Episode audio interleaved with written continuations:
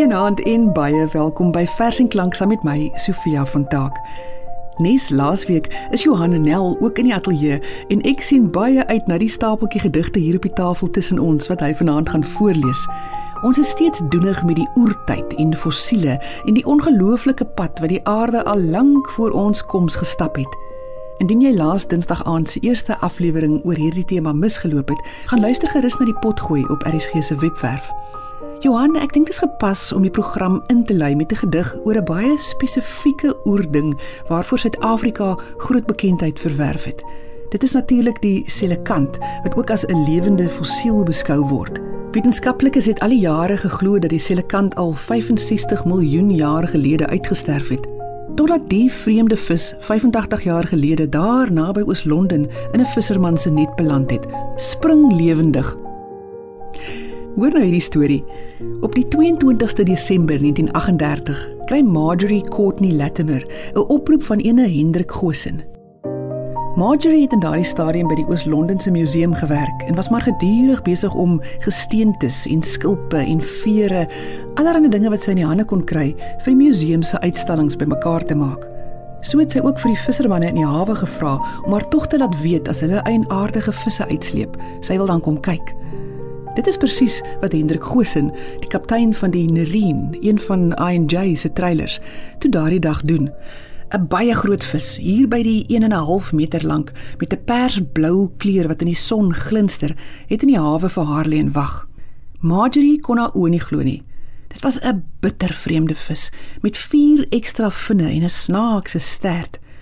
Sy het die vis daar weg en het deur al haar naslaanboeke gaan blaai, maar kon nie 'n inskrywing oor die ding vind nie. Sy moes die vis op 'n manier bewaar en het by die plaaslike lijkshuis gaan aanklop, maar hulle het geweier om 'n vis uit te lê. En geen koelkamer wou dit vir haar stoor nie. Ten einde raad het sy die vis toe maar na 'n taksidermis toe geneem en laat opstop. Marjorie vertel toe intussen 'n vriend van haar, JLB Smith, wat 'n ichtioloog is, van die gedoente en hy haas hom oos Londen toe. Smith het daai vis net een kyk gegee en dadelik sonder twyfel gesê: "Maar dis dan 'n selekant." Dit was ook Smith wat die selekant later sy wetenskaplike naam gegee het. Ter ere van Marjorie is dit die Latimeria chalumnae genoem. Selekant. Deur Susan Smith het haar bundel Die aarde is 'n eierblou ark in 2016 uitgegee deur Protea. Oseaan van toom van 350 miljoen jaar In die warm Desember van 38 by Cholomqa, deur Miss Marjorie uit verbeelding tot werklikheid gelig. Holruggraat, skarnierbek, lopgevinde, kalm nagswemmer, dryfjagter, bodemloper. Te laat.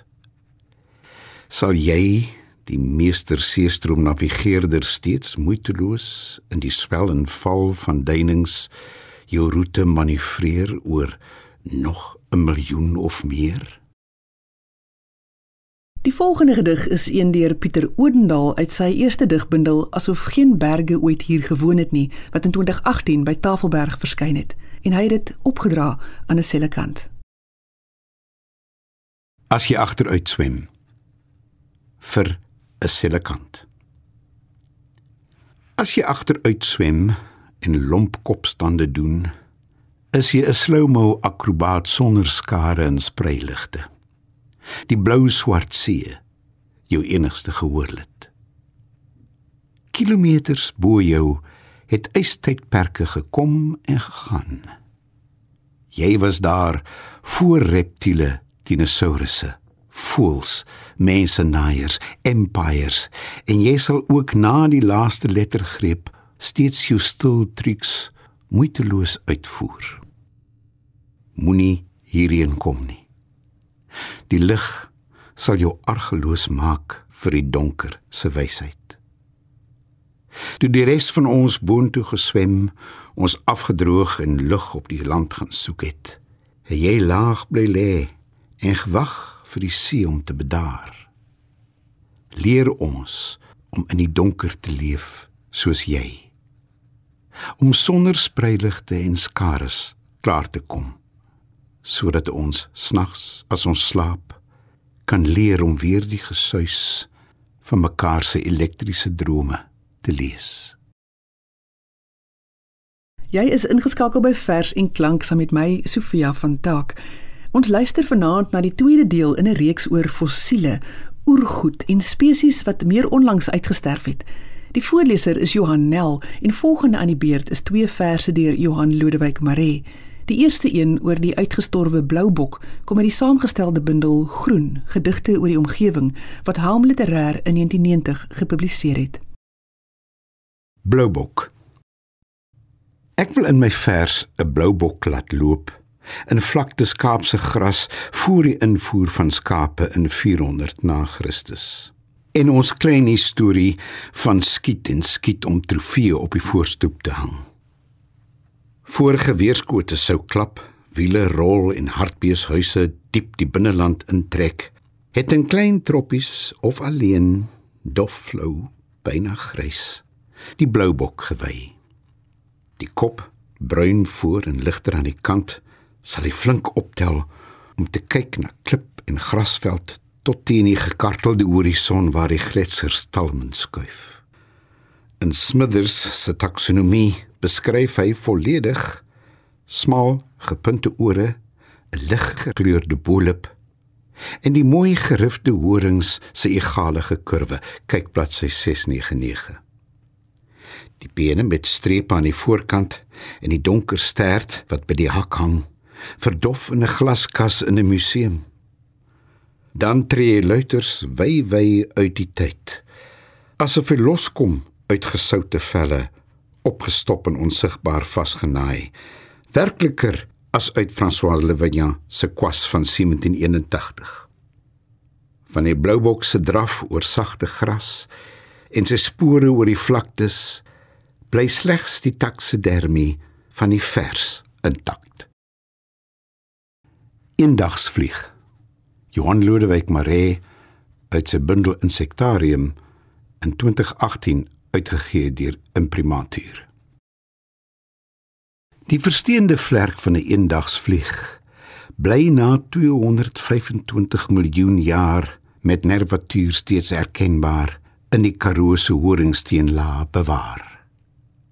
Dan op 'n dag is hy volmaak weer daar Ek lig hom uit sy lang vergeetheid waar hy kort gevlieg het en kort gepaar. En fyn teen die gloeiende hemel val hy met sy skadu na die oerbron terug.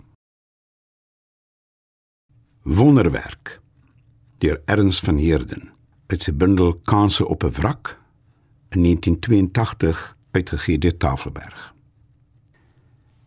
Die argeoloog geoloog hurk verbaas. Koevoet en hamer het buitelend 'n nuwe rotslaag blootgelê. Die leie soos pedestale plinte uitgelig. Sien daar. Binne in 'n klein nis se nes sit die padda. Sy buikie golf saggies. Piel oë is verwonderd teen die lig met stuntelige pootjies vasgeplant soos op die eerste dag is hy. Die klein mirakel het deur die kerkerklip vir 40 dae, 40 nagte skat ons eie wys gering sy eie ark gebou. 'n Fossiel deur Barend J. Turin uit die bundel 39 gedigte van 1963.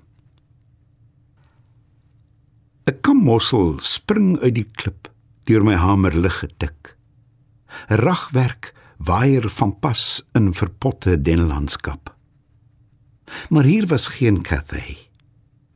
Hierdie bergtop was waterland. See goed was oral rond. Slakke het oor die kraanse gegly tot eendag 'n god in gramskap see en see goed gryp hul skip blink hier neersmyt en from 'n berg toe berei. So dig Antjie Krog in haar 2014 bundel Medewete oor 'n versteende boomstam. 'n Klippie hier op jou lesenaar in Kanadese Mika lig. 'n stukkie versteende stam van 'n oerobelisk wat jy opgetel het toe jy die plaas gaan groet as terugvouende aarde aan dit verdig. Uit die stol van die slib glasagtige slyk spul die klippie blinkheid. 'n Stukkie versteende stam van 'n oerobelisk wat jy opgetel het. Stil in sediment het grondwaters gesypel. Dompelend, melkig uit die stol van slibglasagtige slyk spul die klippie blinkheid. Argloos gepalmde brokkie in die Vredefort krater vir ewig. Stil in sediment het grondwaters gesypel. Dompelend, melkig. Klontering sink met silikaat. Alles sug. Alles lig teen magma se gewig argloos gepalmde brokkie in die Vredefort krater vir ewig. Die aarde is een en spreek jou vry van vaderlandsbesit. Klontering sink met silikaat. Alles sug, alles lig teen magma se gewig. Soet sing aardplaat en koorskleed hulle mantras in gigabyte. Die aarde is een en spreek jou vry van vaderlandsbesit. Die aarde behoort aan niemand en is gesmolte ewigheid. Soet sing aardplaat en koorskleed hulle mantras in gigabyte. Toe jy die plaas gaan groet as terugvouende aarde aan dit verdig. Die aarde behoort aan niemand en is gesmolte ewigheid. 'n klippie hier op jou lesenaar in Kanadese Mikalig. Terwyl ek nou na die gedig oor die versteende boomstam sit en luister, het my gedagtes deur in die noorde van Namibië gaan draai, daar by Korrigas, waar daar 'n hele klomp van hierdie versteende boomstamme lê. Nog 'n besonderse oerding wat 'n mens daar in die Namib-woestyn te sien kry, is natuurlik die Welwitschia plant.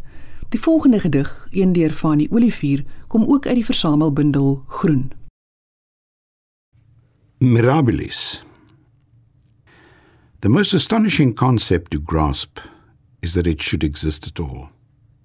Woorde van Michael Britton uit Discovering Namibia.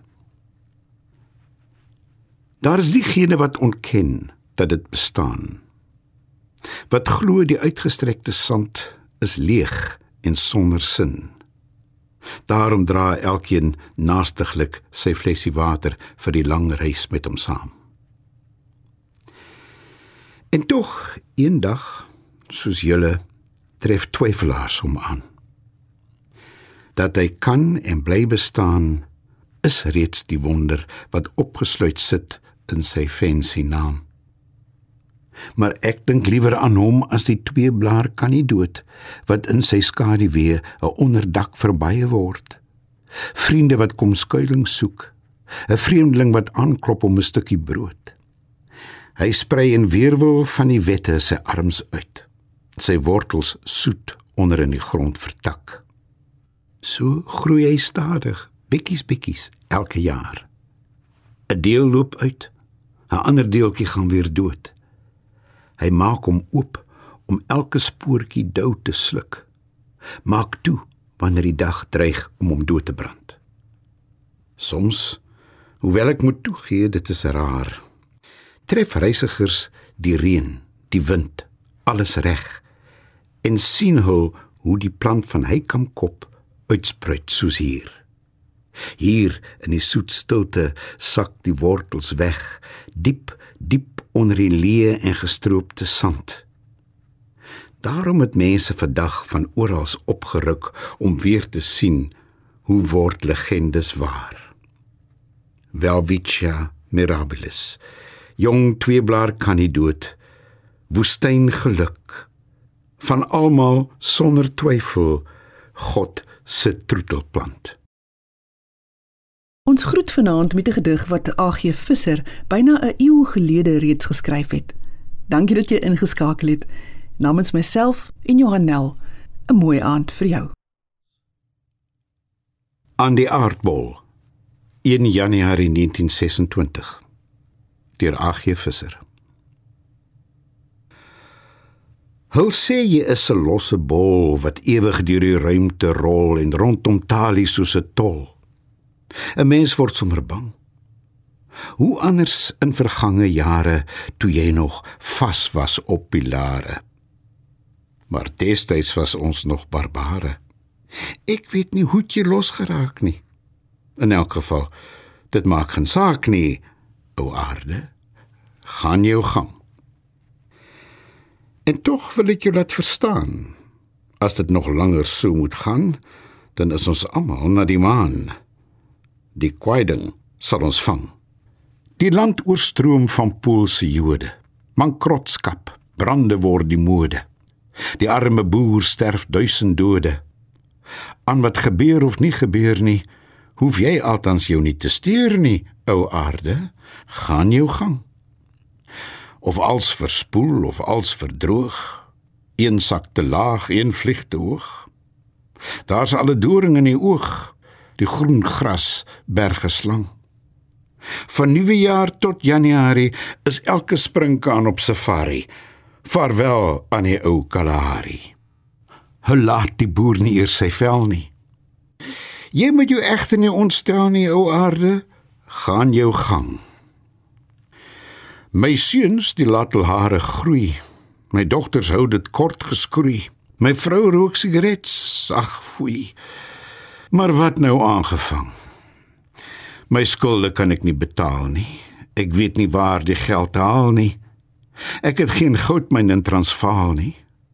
My uitgawes meer, my inkomste minder, maar nogtans Laat dit jou nie hinder o aarde, gaan jou gang. Daar's volla ruspers in my werk, daar's volla sektes in die kerk. Gesond verstand is nie te merk, landsliefdes eie belang. Ek drink die bitter medisyne, maar my ou rug bly vol van pyne. Die dokters met hul tirlantine. Waaragtig so kan dit nie bly nie. Tog kwel jy nou maar nie oor my nie, o aarde gaan jou gang. Ek wonder of jy self wel voel hoe die ou mensdom op jou woel en moeg word vir die hele boel. Die grappie duur te lank. Miskien het jy ook maar jou nikke en gaan dit ook met stote en rukke. Wel eendag loop jy tog op krukke. Wie al of nie die moord gaan steek nie. Daaroor moet jy jou hoof nie breek nie, ou aarde gaan jou gang.